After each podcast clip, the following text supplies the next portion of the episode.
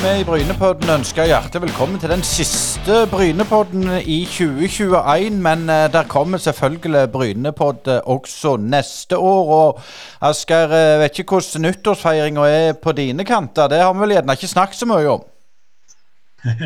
Nei, det er ikke så mye å snakke om heller. Det er ingen tegn til nyttår her. Eh, nyttår er som regel i oktober her nede.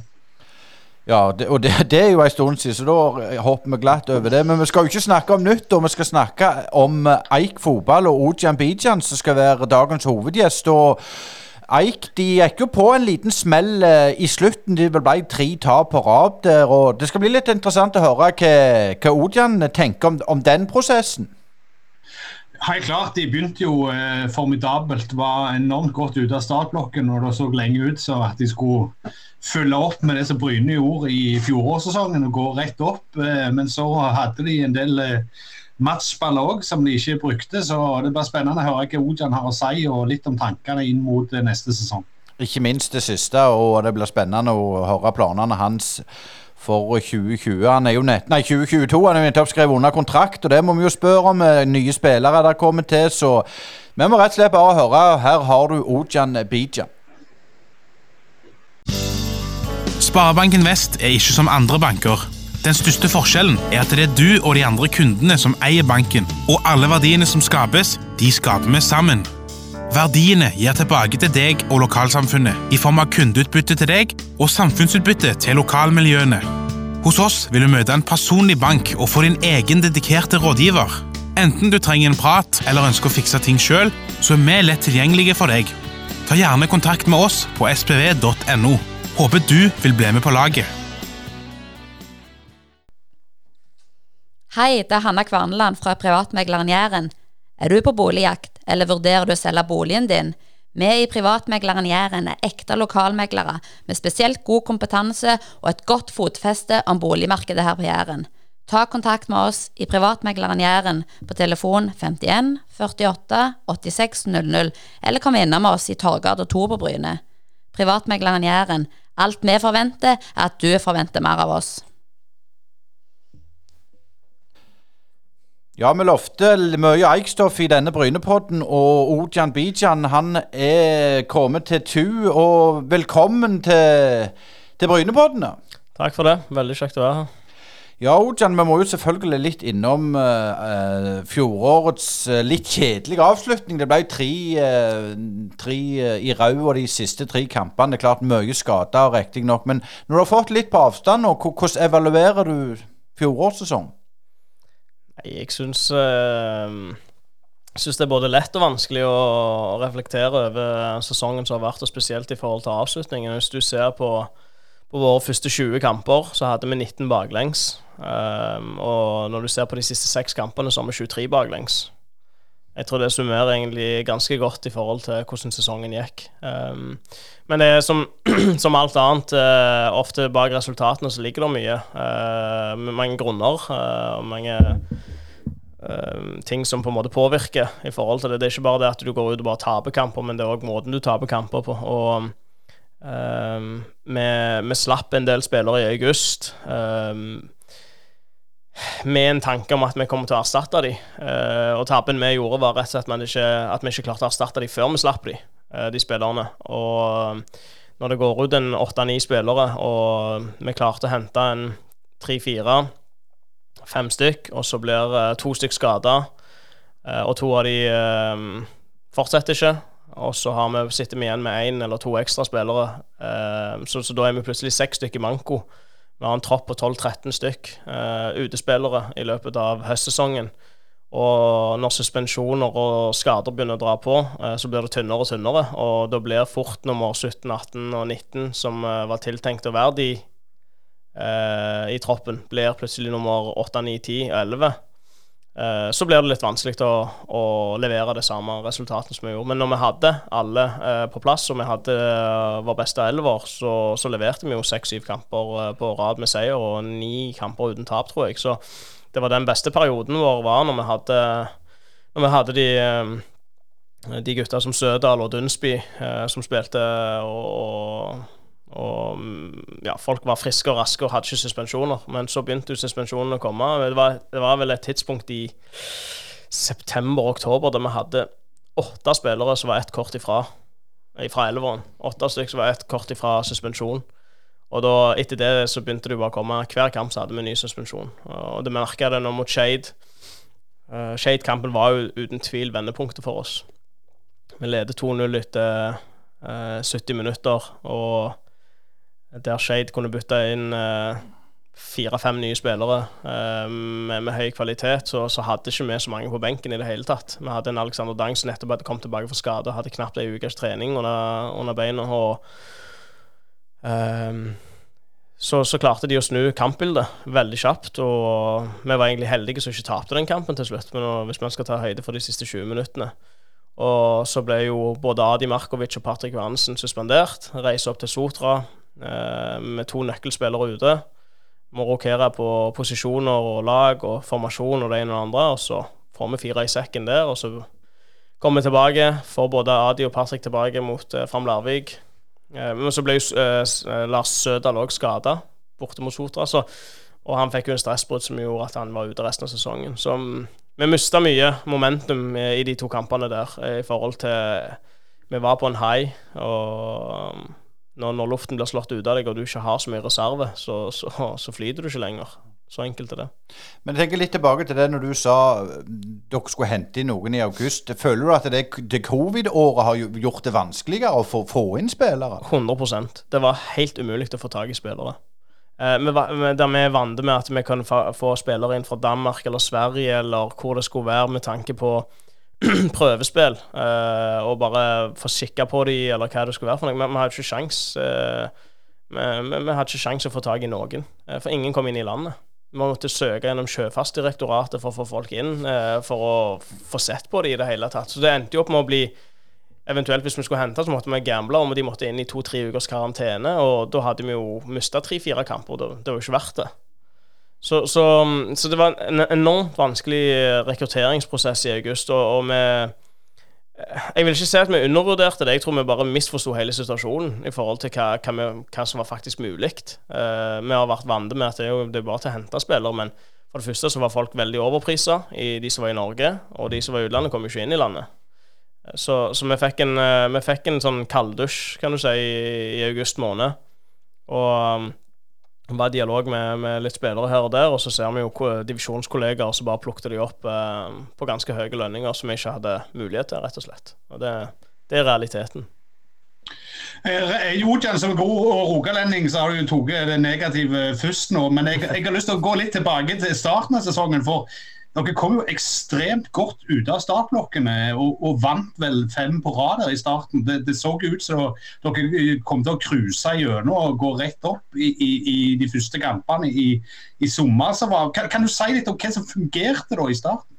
Ja, altså Vi hadde, vi hadde en, en, Som jeg sier, altså de, de, den perioden på høsten òg, da vi hadde seks-syv kamper på rad med seier, vi, vi, vi, hadde jo en, en ekstremt bra elver. Uh, og det hadde vi fra starten av sesongen òg. Vi hadde òg bredde i tillegg, og, og, kjemien stemte. Og det er litt sånn, når du starter en sesong, så er alle på en, uh, på en high. Alle har overskudd, alle gleder seg. Det er tre kamper i uka, og alle hadde den følelsen av at de kom til å spille mye. Eh, til og med de som var nummer 12-13 og oppover, hadde liksom den følelsen av at de, de bidrar. Um, og da, da, da, er du veldig høyt oppe. Men uh, så kom plutselig skadene litt brått på for oss uh, etter det. Og da mm, ble jo sommerperioden litt vanskelig. Men, men uh, spillet fungerte. Det satt både i kontringsfasen, det satt i, i det etablerte spillet. Vi skårte gode, fine mål. Vi var effektive, vi forsvarte oss godt. Vi slapp knapt inn noen mål på de første fire-fem kampene. Jeg tror vi hadde ett baklengs, nei, to baklengs på de første fire. Og som jeg sier, de første 20 kampene våre, vi slapp inn kun 19 mål. Og det er under ett mål i snitt per kamp, det. Eh, det er opprykkstall. Men, men, nå har du jo eh, lært Egersund å kjenne litt mer enn det du, du eh, gjorde å før du kom der. Kan du si litt om, om din egen liksom, fast i Egersund? Hva har du lært av, om byen og miljøet rundt og, og, klubben i forhold til det du visste når, når du kom dit for første gang? Nei, altså før jeg kom, så hadde jeg jo egentlig mest erfaring som uh, spiller i tredjedivisjon sjøl de gangene jeg hadde spilt mot Eik og litt sånt. Og det var, det var tøffe bortebane og entusiastiske folk rundt uh, tribunene på, på, godt og vondt. Uh, så, så, det var på en måte min erfaring før jeg kom, var jo det. men så kom jeg jo inn som en assistent for Olafur i, i 2017. og for meg så handla det veldig mye om å lære mest mulig i, i den fasen av trenerkarrieren. Og så Eh, kommer du inn på. folk, eh, de lokale spillerne, lokale kreftene rundt klubben, og fikk et ganske godt nettverk ganske raskt. Det er veldig sånn eh, varm eh, Hva skal jeg si holdning rundt eh, de som er rundt klubben. Da. Det, folk bryr seg, folk er veldig vennlige. Jeg, jeg, har bare positivt å si i forhold til mine opplevelser. men så, så merker du jo òg som trener, så så er det jo mye opp og ned. Eh, folk eh, reagerer på resultater, reagerer på valg man tar eh, både på og av banen. Og det må vi leve med. Så det, det, det tror jeg ikke er annerledes i, i Egersund enn det er noen andre byer. Men som jeg alltid har sagt, folk, eller nordmenn, betaler titusener av kroner for å reise til England for å få, for å få liv og action på tribunen og kampene, og du kan egentlig betale deg med 100 kroner inn til en Eik-kamp, så har du mye av det samme. Uh, ja, det kan jeg slå fast, det stemmer. Men, men jeg tenker litt det med, med, med, at du bor jo i Stavanger, Ojan. Er, er, det litt bevisst? Altså, Eik er jo en toppklubb litt. Um, er det bevisst at du på en måte skjermer litt familien, eller har du vurdert å flytte ned? For vi har hørt flere trenere som tar et bevisst valg at de ønsker ikke å bo i den byen de trener. Um, jeg har aldri tenkt tankene i forhold til hvorvidt jeg skal skjerme meg sjøl fra byen. Eh, det er bare det at familien min eh, og, og, livet mitt på mange måter er i Stavanger. Og nå holder jeg på å bygge hus på Sandnes, så nå blir jeg jo Sandnesbu sånn sett. Men, og det blir et kvarter nærmere Egersund. Eh, men men uh, det er som alle andre jobber. Noen, noen pendler til jobbene sine, noen uh, bor der de jobber, nesten. Og det varierer. Så for meg så, så har jeg ikke tenkt på det. Jeg har pendla nå i siden 2017, og jeg har uh, null problemer med å gjøre det. Jeg ser ikke på det som en, på en, måte, en utfordring i det hele tatt. Så, så for meg Jeg er godt involvert i byen når jeg trenger å være det, og så klarer jeg å skjerme meg når jeg trenger å være det. Eh, men òg det, du har jo fått muligheten i Eik. Du tar, tar uh, trenerutdanning, du har utvikla deg. Uh, hvis du ser den, den unge Odjan, du er jo ung ennå, men, men uh, når du kom, hva, er det du føler du har utvikla deg sjøl på mest i disse åra? Nei, jeg har jo Det som Eik gjorde, var jo at de ga meg rett og slett muligheten til å bli en trener på dette nivået her. De satsa på meg, og de trodde på meg, og, og det ga meg muligheten til å til å være meg sjøl, altså utvikle meg sjøl som trener på mine premisser. Um, uh, føringene var veldig tydelige. Få det beste ut av laget og prøve å få resultater. Det, det, har alltid vært det. Så, men jeg føler at i Eik så har jeg fått utvikla meg ved å eksperimentere. Ved å på en måte um, gjøre de tingene som mitt hode, mitt fotballhode tilsier er riktig. Og så har jeg jo gjort både feil og, og rett, men, men det har iallfall gitt meg utvikling til å på en måte ta de steg, og jeg føler at uh, det å siden jeg ble hovedtrener, så har vi stort sett vært topp fire og topp tre. Uh, og det, det, er ikke bare bare, syns jeg, da. Uh, så jeg syns vi vi har hatt en god utvikling uh, som klubb og, og, tatt steg der. Og så er det for meg personlig at det, fra ta taktisk eh, standpunkt så syns jeg at vi har tatt store steg. Ehm, vi ser og opplever fra spillere og folk som følger med, at det, det er stor oppmerksomhet rundt måten vi spiller fotball på, både med og uten ball. og det det blir man stolt av. Uh, og så er det jo meg som person og som trener, uh, der jeg um, kanskje i de første to åra var veldig, veldig Nesten litt overdrevet pedagogisk av meg. Um, var veldig opptatt av å um, for, altså snakke mye med spillerne, være mye rundt de og, og, på en måte passe på de og litt sånne ting. Så det og bry meg veldig mye, mens jeg føler at jeg har gått mer og mer i den uh, kyniske retningen som leder. og det og det kreves Det merkes at det, det høyere du kommer i, i, nivå, og det mer uh, proff man prøver å drive det, så må du på en måte Du må distansere deg litt, og du må bli litt mer kynisk i, i valget. og det tror jeg ikke alle er alltid like komfortable med, og det slår, uh, slår litt igjen. Men, men, det er på en måte noe som man må, man må stå hardt i og, og, og stå for, og så gå videre med. Ja, Det går jo uh, unektelig videre. Du har jo nylig signert en, en ny kontrakt. Men, men, kan du si litt om den prosessen som gikk gjennom hodet ditt fra siste kamp mot Arendal fram til du bestemte deg for å gå videre og være med Eik videre? Var det, var det noe tvil i bildet der, eller var du liksom klar på at du skal opp og rette opp holdt jeg på å si, det som ikke du lyktes med i fjor?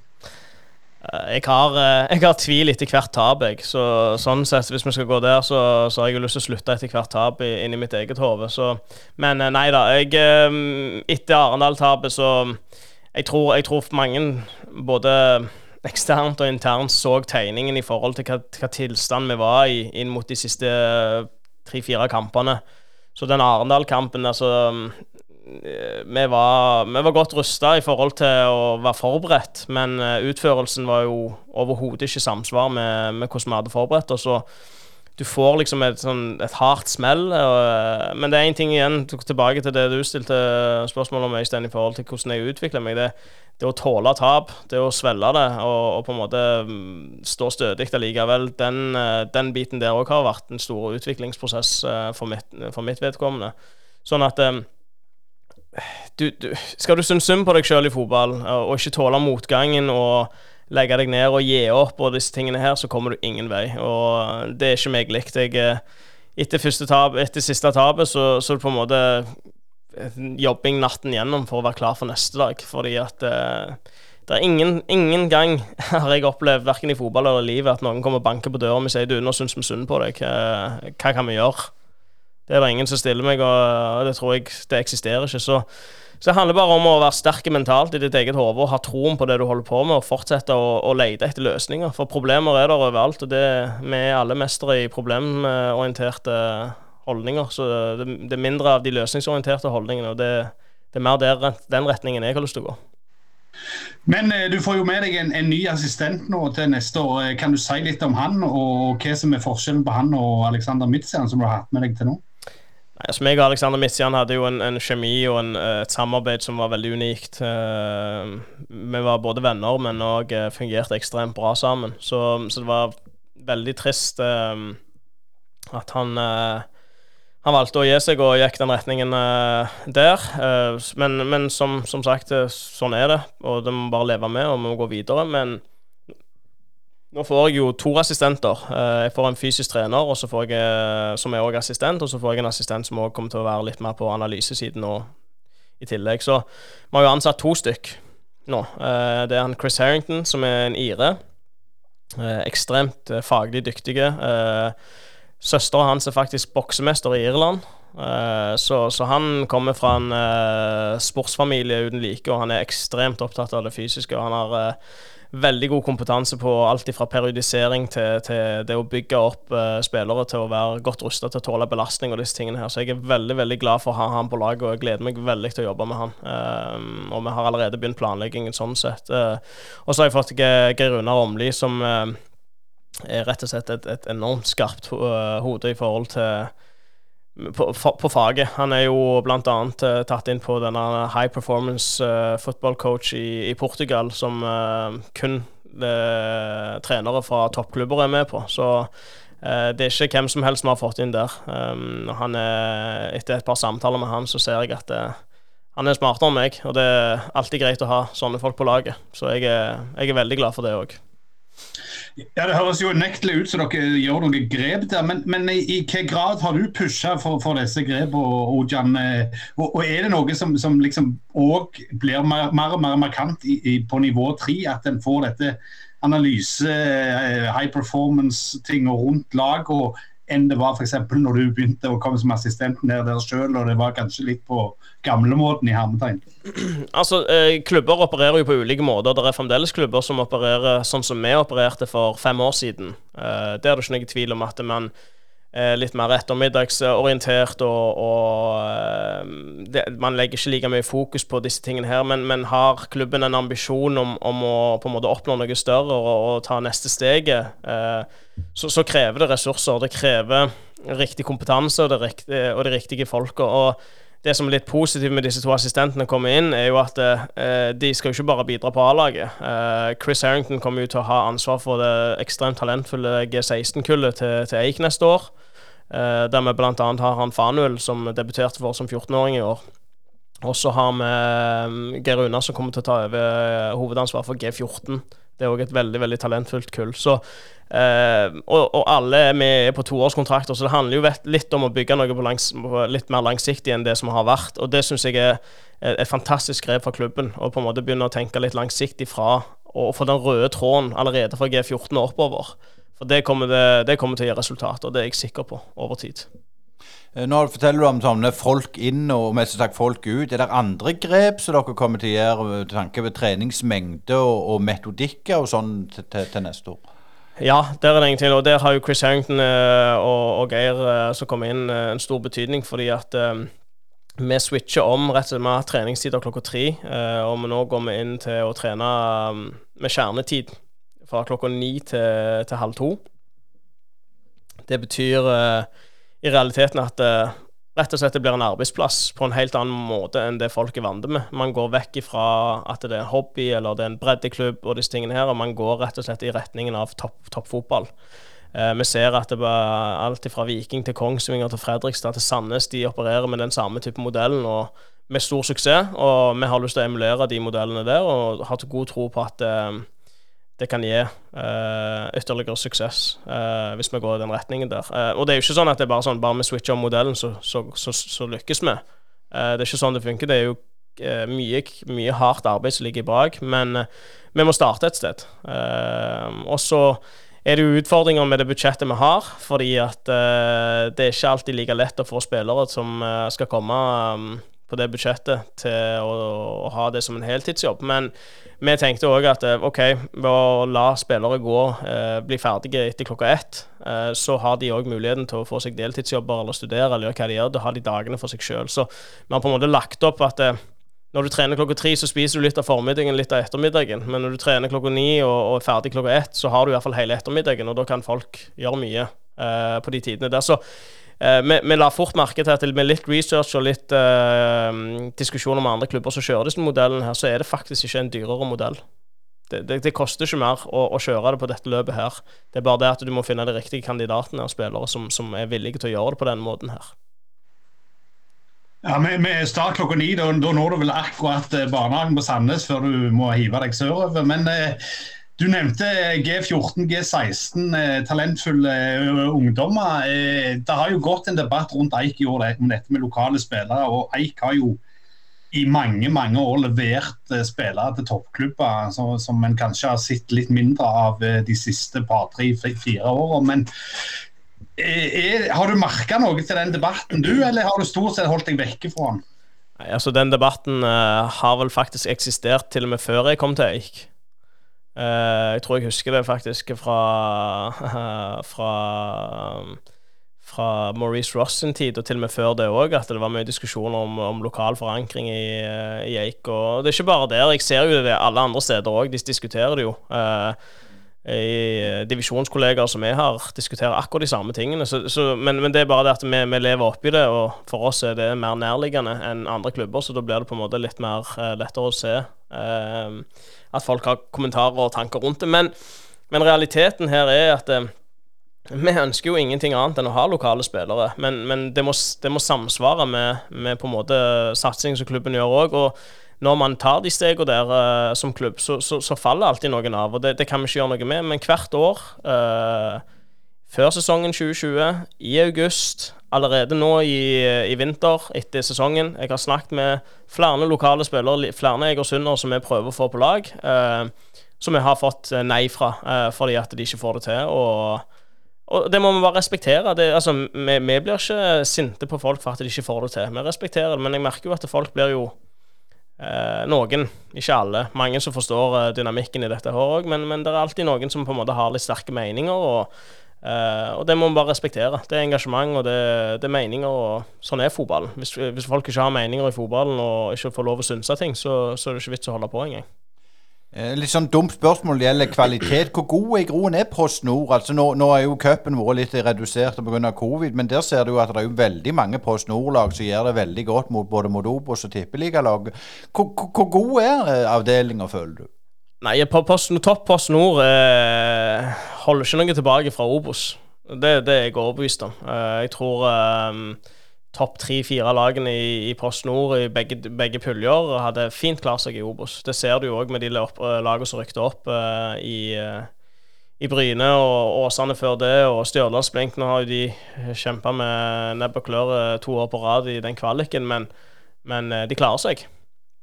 Så, så um, det, det å på en måte dømme de lagene som rykker opp fra Post Nord til Obos, dømme de uh, til, til, å på en måte feile, uh, det tror jeg fort blir feil. fordi at det er mer kvalitet enn det folk tror. Og man ser jo at det er flere klubber i Post Nord som, som profesjonaliserer seg, og som tar de stegene der, uh, og har mye gode spillere. Det er mye gode spillere. altså Hvis man ser på, på bare oss siden 2019 til og med kanskje 2018, så har vi sendt opp spillere til Obos og Eliteserien nærmest hvert år.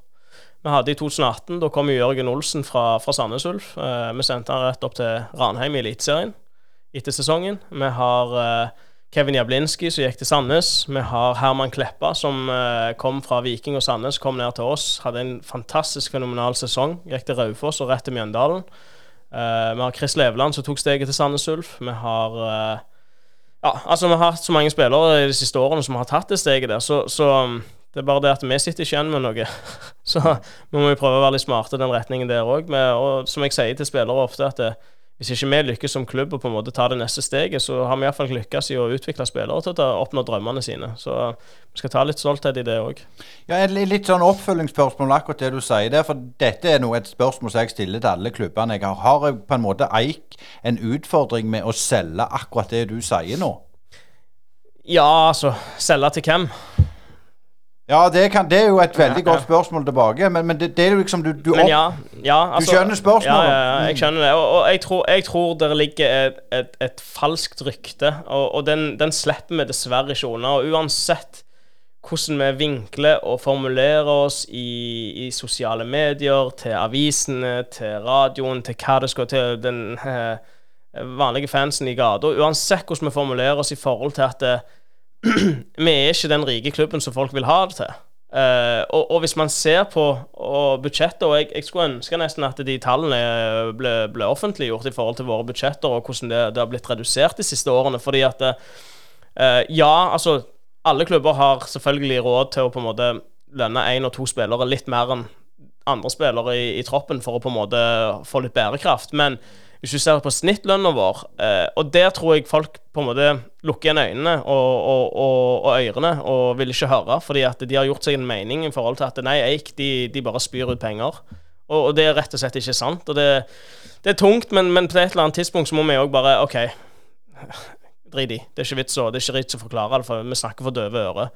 Eh, og, ja, man blir litt sånn oppgitt av og til ved kommentarer og disse tingene her, men samtidig så er det sånn uh, vi kan ikke gå ut og forklare absolutt alt til enhver tid. Vi kan ikke gå ut og fortelle om absolutt alt som vi sitter på av informasjon til enhver tid. Vi prøver å formulere det så godt vi kan. Vi, vi vet hva som er sant, og vi, vi, har med god samvittighet i forhold til det vi holder på med. Og det, det er bærekraftig. Og dere må ikke glemme at eh, eik ligger i grønn sone hvert eneste år. Det, det, er en grunn for det. Det, det driftes bærekraftig, og sånn er det.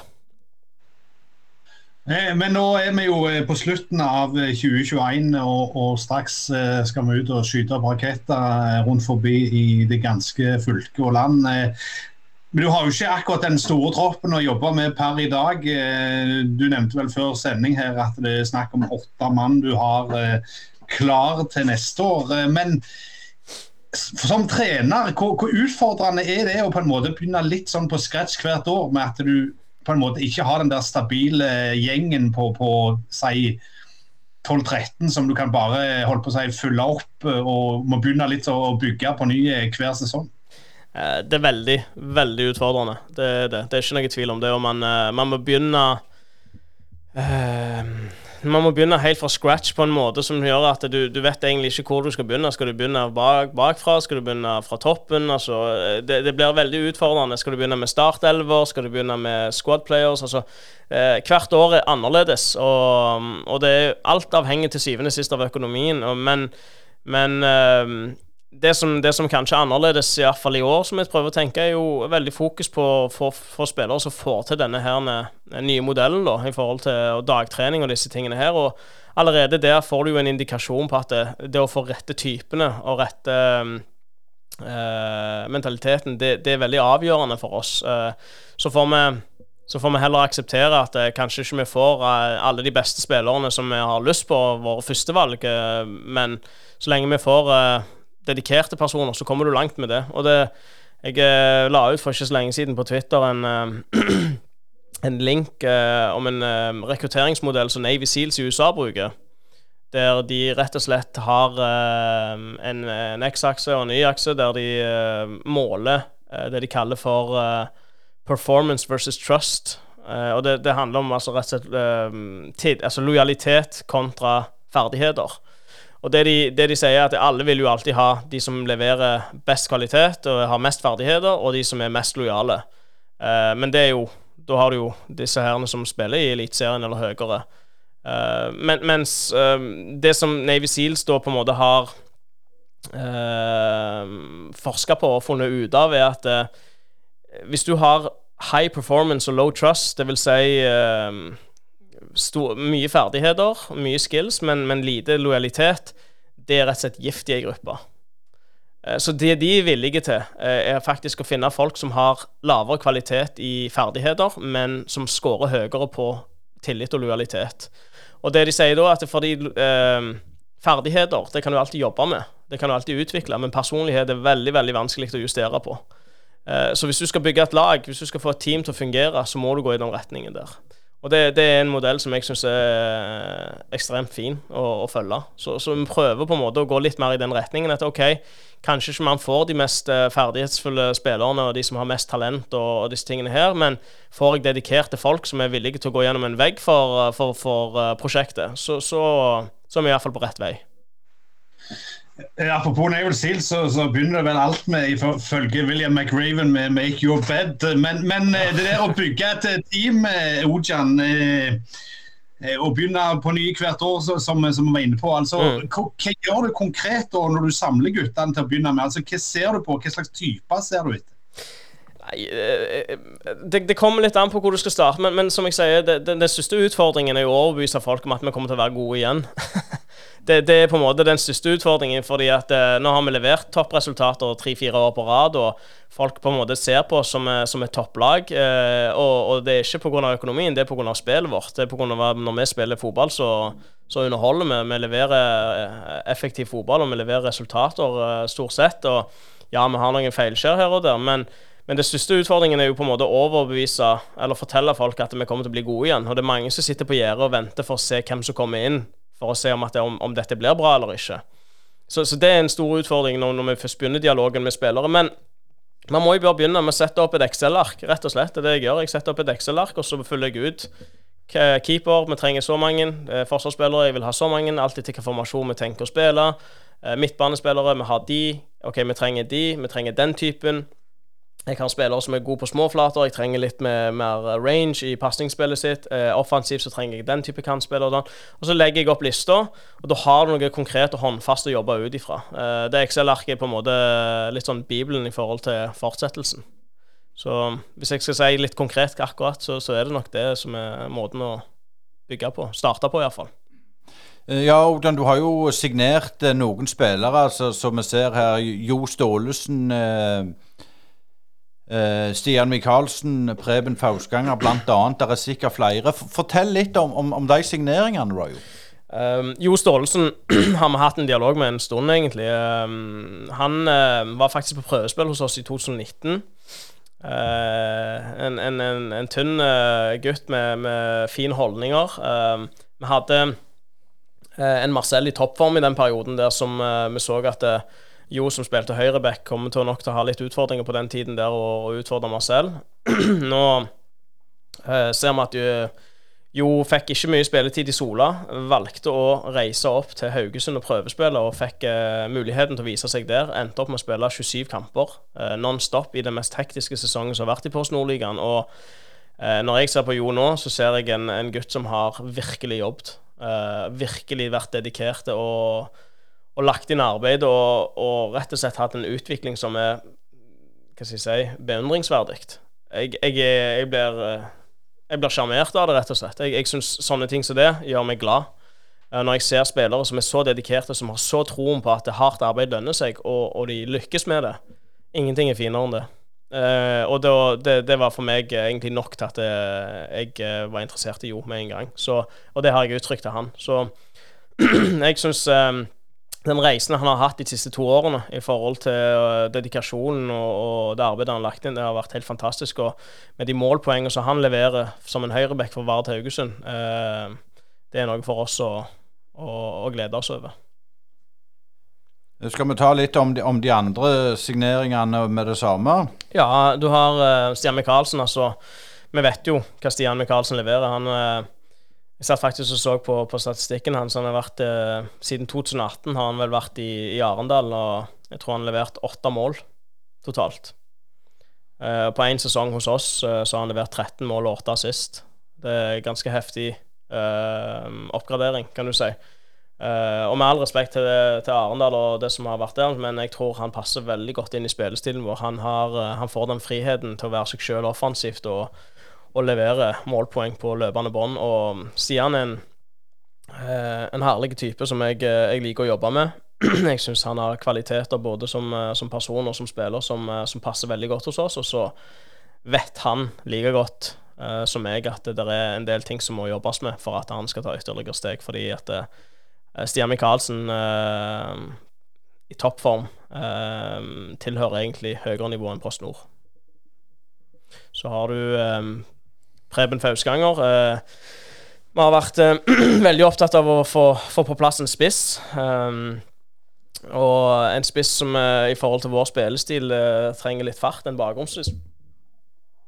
Og Preben tikka mange av de boksene der for oss. Han, når jeg har sett en del kamper i, i Åkra for et lag som ligger vel på nedre, nedre halvdel av tredjedivisjon, og han leverer de målpoengene han gjør. Han burde egentlig kanskje hatt dobbelte av de målene. Han skåret vel ni mål på 13 kamper, han burde egentlig hatt 18 på de 13. Eh, så ser jeg et enormt potensial. Jeg tror, eh, jeg tror han har muligheter, alle tiders muligheter til å på en måte eh, eksplodere litt på den scenen her. og Jeg, jeg eh, ser mye likhetstegn med han og Joakim Holtan når han kom fra Mandalskameratene.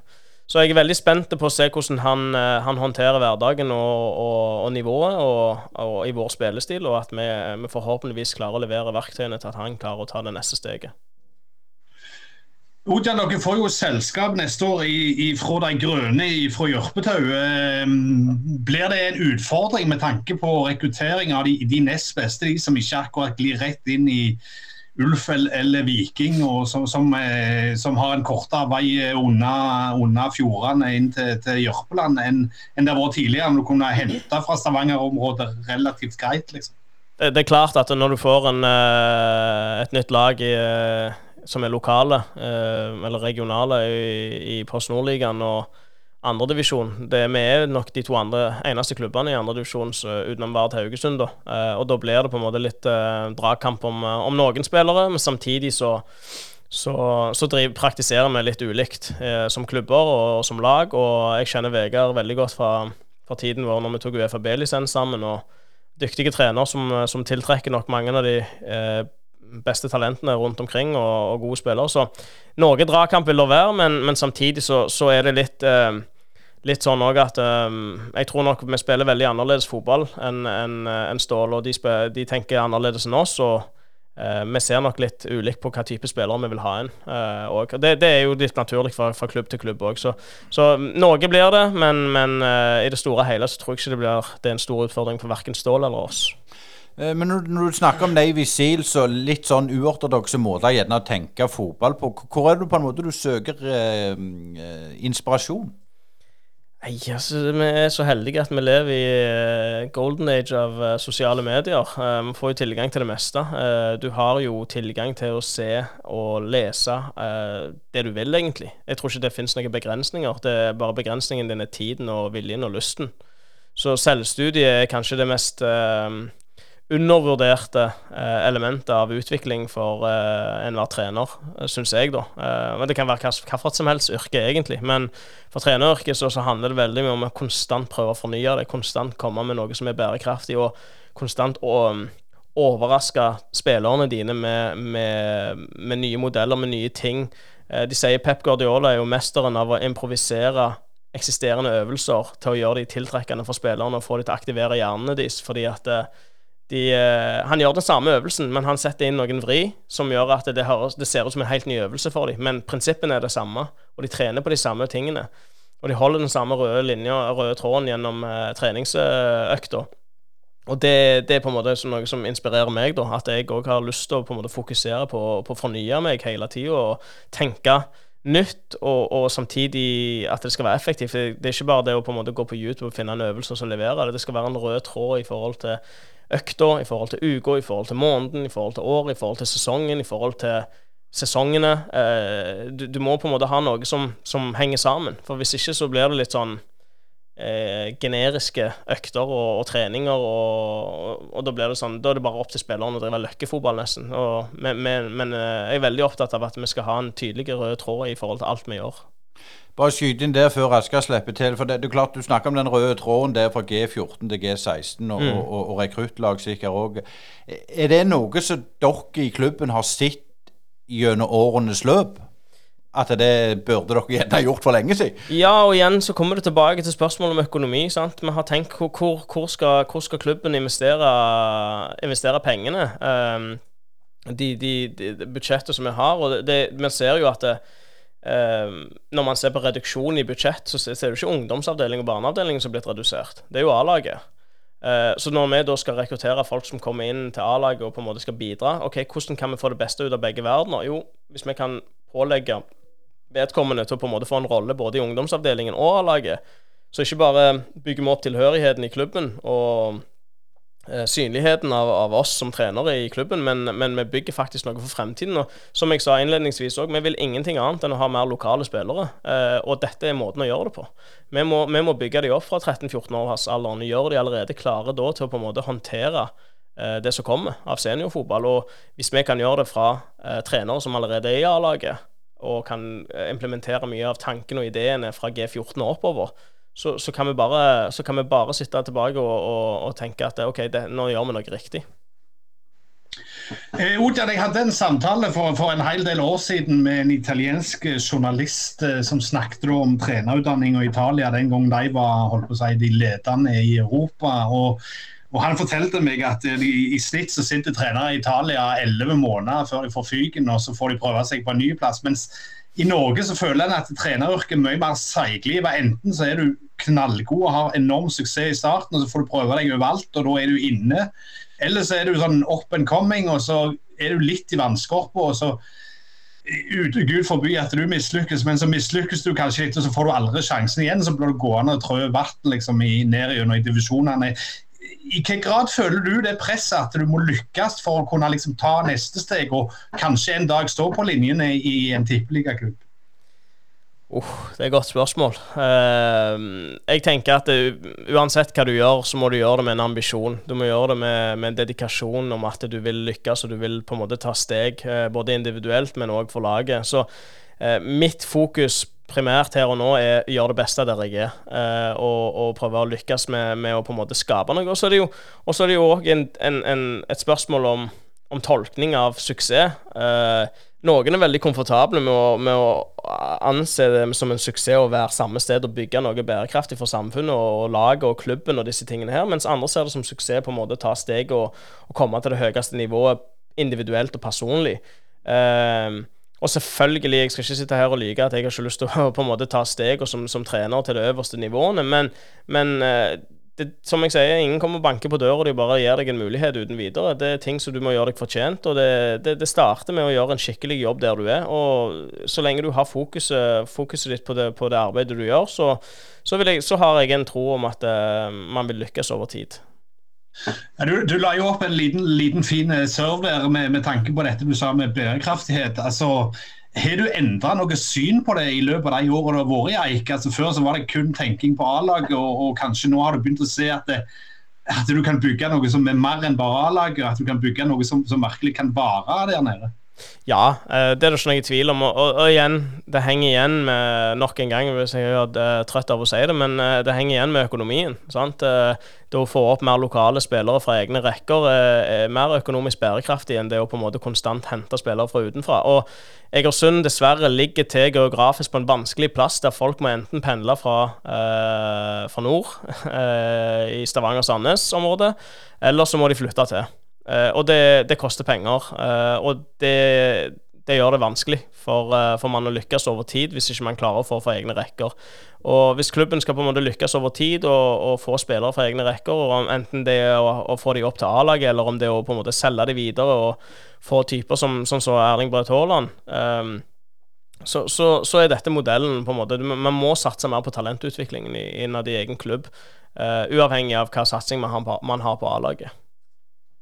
Eh, hvis vi ser litt mot neste sesong, eh, med tanke på målsetninger, er det noe dere har satt, eller er det noe dere ikke vil peke seg gå ut med? Nei, som jeg sier, nå, nå begynner vi på scratch. Uh, vi, vi, må, vi, må, bygge lag, og det er veldig vanskelig å si hva, hvor vi kommer til å ende opp hen. Uh, med både tropp og, og satsing og alle disse tingene her. men jeg, jeg, personlig går jo aldri ut der og tenker at eh, nå skal jeg eh, kjempe om overlevelse eller eh, nedre halvdel. Jeg har lyst til å kjempe i toppen, og det tror jeg de i klubben støtter meg i. Så vår tankegang er alltid å prøve å være med og kjempe i toppen. Nå har vi jo fått den, de, de lagene en skal spille mot. Og, og, og, når du har sett Er det noen du, du ser ut Ja, disse ser sterke ut. Ja, altså du, jeg, hvis, jeg skal, hvis, jeg skal, tenke at det, det, er to lag fra fjoråret som har definitivt kommet til å ha utvikling, så er det Notodden og Øygarden. Det er to lag som jeg tror kommer til å bidra ganske godt fra seg og være med å kjempe i toppen eh, i 2022. Eh, så har du jo Arendal, eh, som, som eh, kommer, kommer, til å være der og har alltid vært det i toppen. Eh, og utover det så, så, er det veldig vanskelig å, å peke ut. Jeg syns eh, sånn som Fløy, som nå har fått Joey Hardarson inn som trener jeg tror de blir et bra lag. Jeg tror det blir et godt organisert lag og et vanskelig lag å slå. Og det er åpningskampen vår. Um, når terminlistene kom ut i dag, så, så, så jeg det at vi spiller borte mot Fløy i første serierunde, og så har vi Arendal hjemme i andre. Så det er en uh, heftig, heftige, start for oss, men uh, det er en kjekk start òg, sånn sett, å starte med, med, en, med, et smell der. Men sannsynligvis så håper vi iallfall at holdt på å si, det blir en slags normalsesong neste år med, med oppstart. Uh, på tide med vante. Hvor, hvor, mye tror du det kommer til å ha å si på, på utvikling og i forhold til det som du har hatt de to siste årene? Nei, nå, nå, håper jeg jo at vi, vi, kommer et eller annet sted samfunnsmessig og, og nasjonalt der vi slipper å stenge ned landet annenhver måned. Uh, at vi, det finnes en, en, måte å leve på med dette her viruset her. Sånn at uh, jeg håper det har minimal effekt på, på idrett og, og, og, generelt sett li, livet til folk uh, i fremtiden. Um, så, så vi, må, vi, må, bare håpe på å gjøre de riktige tingene vi kan. Eh, alle får ta sine valg, selvfølgelig, men, men jeg håper jo at samfunnet beveger seg i en retning der vi, vi, klarer å leve med dette her, og på en måte slippe å, å miste muligheter i, i, i, hverdagen for at uh, det, det, skal bli stengt ned hele tida. Eh, du mangler jo noen spillere nå for, for å få en fulltallig tropp. Hvor komfortabel er det med du at du får en god slag kraftig tropp. Og, og, hvor langt er du kommet i prosessen? På, på, dette tidspunktet hvert år som jeg har vært, så har jeg vært veldig opptenkt av å ha nesten startelveren min klar før, før nyttår. Uh, I år er jeg litt mer laid back uh, og litt mer avslappa, og jeg tror at uh, jeg tror det er sunt. Vi får en del prøvespillere som kommer til å komme i, i januar, som skal prøve å vise seg fra ulike steder og ulike nivåer. så, så jeg, jeg, er ikke så bekymra, men, men jeg vet at vi, klarer, vi, skal klare å stable sammen et, et ganske godt lag. Det, det, er jeg ikke bekymra for. Og um, det er nok av folk som vil komme til Eik. Men det handler litt om å, om å filtrere ut òg hva vi ønsker å ha her. Um, så, så, vi kunne fått mange gode spillere med. Um, men om de er rette profilen eller ei, det er vi litt mer kritiske til nå enn det vi har vært tidligere. Så uh, åtte spillere, det er jo som jeg sa innledningsvis òg, eller før sendingen, at det, det er nok til å stille laget uten å få walkover. Så vi, vi er klar for kamp, vi. Men, men det, nå har du vært med en stund, og, og, og, jeg tenker litt sånn Hvordan føler du standinga til, til Eik og Eigersund er i, i Fotball-Norge? Jeg syns det er veldig bra. Jeg eh, hadde faktisk eh, en, en, samtale med styreleder om akkurat dette her for, for, kort tid tilbake, og han sa at på et nasjonalt nivå så har Eik en veldig stor standing eh, fotballmessig. Eh, regionalt eh, helt OK, og, og, lokalt så er det jo mye meninger. Eh, så, så, så det, det, er på en måte den måten han brøyde ned for meg. og jeg, jeg, vet at vi så når vi fikk A-media sine tall nå, så var vi det mest sette laget i pulja vår. Jeg vet ikke hvor mange visninger det var. og jeg skulle ønske jeg hadde det på plass nå. Men, men, vi var det mest sette laget, og det er ikke tilfeldig. Uh, både spillere og trenere og, og, diverse følger med på. Så når vi hadde denne perioden der vi lå på toppen av tabellen, vi slo Skeid borte og vi hadde Levanger borte og disse tingene her, så, så fikk vi masse meldinger og masse, masse kudos fra, fra, forskjellige hold. Så jeg vet at eh, Fotball-Norge følger veldig godt med på, på, Eik. Det er det ikke noen tvil om. og Derfor har det vært veldig attraktivt for spillere òg å komme her og utvikle seg og ta det neste steget. Men eh, gitt at dere får uh, trå i gang uh, som normalt, og det ikke blir sånn der en halvveis Monty Python-sketsj med at en springer der og ikke kan vri noen på, på fotballbanen, hva, slags treningskamper sånn, har du lagt opp til, til våren? Um, nå har vi lagt åtte treningskamper, og så håper vi jo få til at vi får lov å reise på treningsleir til Tyrkia i mars og få til en, kamp mot et russisk lag, tror jeg det var, eller ukrainsk lag eller noe sånt der nede. Så en plass mellom åtte og ti treningskamper er satt opp eh, der vi starter vel mot Vidar 12.2, hvis ikke jeg tar helt feil. Uh, så har vi Stål Jørpeland ganger to, både hjemme og borte. Vi skal møte Fløy. Vi skal møte Vard Haugesund, det er vel generalprøve. Vi skal møte Bryne, Sandnes Ulf. Ja, Stål sa jeg jo. Sola skal vi møte. Så vi har en åtte, åtte kamper planlagt, iallfall. Det ligger ute på nettsida vår. Jeg husker ikke helt dato og rekkefølge nå, men Uh, vi har hatt en lang og god prat her, Rojan, men helt til, til, slutt så har jeg lyst til å stille noen spørsmål om ditt forhold til naboklubb, eller Eik sitt forhold til naboklubber. Kan det bli aktuelt med utlån? fra, fra naboklubbene. Ja. Um, vi har vært i dialog med, med Viking, og vi fikk jo en, en god opplevelse med Sødal, uh, som kom, og jeg tror de òg fikk en veldig godt uh, uh, veldig god opplevelse i forhold til hans mulighet til å spille masse kamper. Uheldigvis ble han jo skada, men, men, vi har en god dialog med Viking. og vi får se hva Akkurat nå så, så nevnte du sjøl at de ville gi alle sjansen til å være med i preseason, så vi må smøre oss litt på tålmodighet og se hvem som ender opp med å bli lånt ut. Eh, det må vi bare respektere. for det er Den posisjonen de er i, og vi er i den posisjonen vi er i. Så skal vi ha noen spillere fra de, så må vi se hva de er villige til å, til å gjøre. Men sånn som Sandnes og Bryne, er det ikke det samarbeidet der, føler du? Nei, altså Jeg har veldig god dialog med, med, med Bjarne og Arturo i Sandnes. Og, um, men, men, per dags dato så tror jeg ikke det um, De er jo litt i oppbyggingsfase, de òg i Sandnes. Uh, og det er gjerne Bryne òg. Uh, så jeg tror, ikke, jeg tror, ikke, de er i en, i en, posisjon der de tenker på utleie av noen spillere per dags dato uh, til andredivisjon.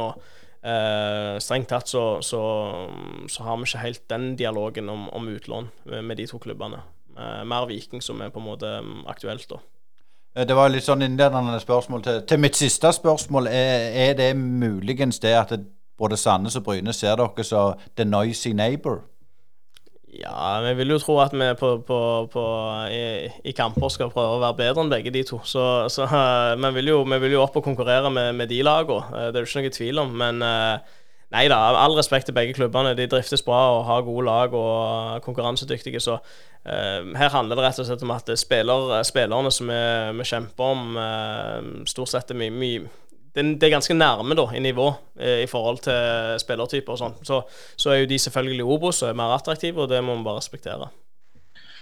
Eh, Øystein ser jo alltid oppover, han sitter jo tross alt på loftet. Men, men, hvis du skal se litt andre veien fra Flekkefjord eh, og, og litt nordover rundt eh, altså Egersundsfotballen har jo ofte vært dominert av eigerfolk og eikfolk og en kanskje en slenger fra Helleland og to. Men, men, altså hvis du ser nå rundt deg litt, litt lavere, er det noen talent rundt dørene som, som er aktuelle å hente inn på treninger i vinter? Eller eller ligger Dalane-fotballen litt sånn eh, småhalt eh, og, og, venter på liksom, at den neste stjernen skal komme? Nei, altså nå har jo vi, Det som har vært litt problemet de siste to åra, så har vi ikke fått sett noen ting, nesten. Uh, Pga. korona. Uh, I 2020 så var jo all breddefotballen helt stengt, og mange falt jo av der. Eh, og eh, i 2021, og så har det vært halv sesong for det meste. Og vi hadde jo han eh, Joakim Ødegaard Nå er jo ikke han et ungt talent, men han er en, en, en, en liten ringrev og, som spilte i, i, de lavere divisjoner og skåret mye mål. Han var med og trente med oss litt, og vi følger godt med. Nå hadde vi vi har jo både Kjell Ovendal og Kenneth Andersen som er ofte ute og ser på disse her kampene. Og, og, i den grad vi får det med oss, nei, i den grad vi har muligheten, så går vi ut og kikker litt på disse kampene i Helleland og, og diverse. Men um, det vi opplever òg, det ser vi jo både fra, fra fjerdedivisjon lokalt i Stavanger òg, der jeg uh, har mer tilhørighet og på en måte mer uh, kjennskap, så er nivået ganske høyt. Uh, altså det, det, er et stort gap fra, fra de lavere divisjoner og opp til andredivisjon og topp andredivisjon. Til og med tredjedivisjonsspillere som, som gjør det godt, um, får seg en liten awakening når det kommer til andredivisjon og, og nivå og tempo og disse tingene her. Så, så, så det Uh, ja, vi, følger med, og skulle det dukke opp noe, så har vi invitert Vi hadde jo disse guttene fra Varhaug nå, som har trent med oss hver en gang i uka. Han og Ole Varhaug og uh, de to andre guttene som, som, har vært med oss, de, de uh, gjorde seg ikke vekk, men, men man så òg at det, det er et gap fra fjerdedivisjon opp til andredivisjon, uh, til og med bare på trening. Uh, så, så, så, man må ha litt respekt for det òg, men, men, samtidig så, så vi følger godt med, og, og skulle det være noe, så, er vi der. Det, det, er ikke noe tvil om. Og nå uh, er det jo tiltak fra klubben òg i forhold til å samle talenter i, i, de yngre rekkene, spesielt i ungdomsavdeling, for, for å følge med. Det var utrolig gildt du tok deg tid til å komme til Brynepodden, Ojan Bijan. Og må jo si på vegne av eh, Brynepodden og Asgeir Øystein et riktig, riktig godt nyttår og masse lykke til. Takk, i like måte. Sparebanken Vest er ikke som andre banker. Den største forskjellen er at det er du og de andre kundene som eier banken, og alle verdiene som skapes, de skaper vi sammen. Verdiene gir tilbake til deg og lokalsamfunnet i form av kundeutbytte til deg og samfunnsutbytte til lokalmiljøene. Hos oss vil du møte en personlig bank og få din egen dedikerte rådgiver. Enten du trenger en prat eller ønsker å fikse ting sjøl, så er vi lett tilgjengelige for deg. Ta gjerne kontakt med oss på spv.no. Håper du vil bli med på laget. Hei, det er Hanna Kvarneland fra Privatmegleren Jæren. Er du på boligjakt, eller vurderer du å selge boligen din? Vi i Privatmegleren Jæren er ekte lokalmeglere med spesielt god kompetanse og et godt fotfeste om boligmarkedet her på Jæren. Ta kontakt med oss i Privatmegleren Jæren på telefon 51 48 86 00, eller kom innom oss i Torgata 2 på Bryne. Privatmegleren Jæren. Alt vi forventer, er at du forventer mer av oss. Otan Bijan der, altså. En eh, god prat med Eigersund sin trener. Og vi må jo mest ta en liten oppsummering òg, Asker. For, for eh, vi har hatt mange spennende gjester i løpet av året. Og jeg, jeg så litt her uh, Albert Braut Kjåland hadde vi i januar, og, og, Arga har vi hatt i januar. og Er det noe du tenker på som, som har vært Oi, det var, det var kult. Det er litt vanskelig sånn på stående fot å kåre på å si, en vinner, men eh, Nei, Vi har jo vært mange og, og, ulike. Jeg har kost meg eh, stort sett hver uke.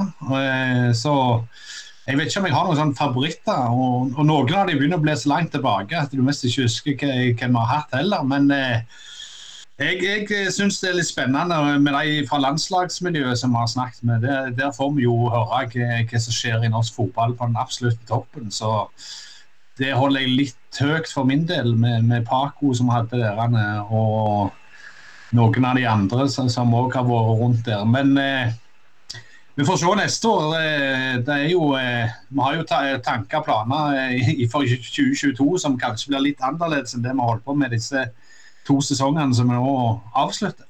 Absolutt, og jeg kan jo nevne det. For, for min del så var det groen veldig interessant å høre Kjetil Rekdal. En litt annen Kjetil Rekdal er den vi vant med, og han er jo òg klar for, for, Rosenborg som trener. og, og Interessant å få dem på en litt annen måte, få den gode samtalen. Og vi har hatt utrolig mange. Bare gå litt igjennom og så kikke på Det ligger jo på, på brynepoddene.podbean.com, alt det vi har lagd, så det er bare til å scrolle seg inn og og søke det opp. og Det anbefaler jeg å gjøre nå med romjula og få, god tid. Og, og vi hadde jo selvfølgelig òg eh, Isak Solberg i Tottenham-akademiet er veldig interessant. og ja, Det er, er så mye å ta, men, men, jeg anbefaler å gå inn på, på litt eh, på, på altså Brynepoddene.podbean.com. Der ligger alt vi har lagd, og det er bare til å nyte og kose seg. Det er mye spennende å, å høre der. Og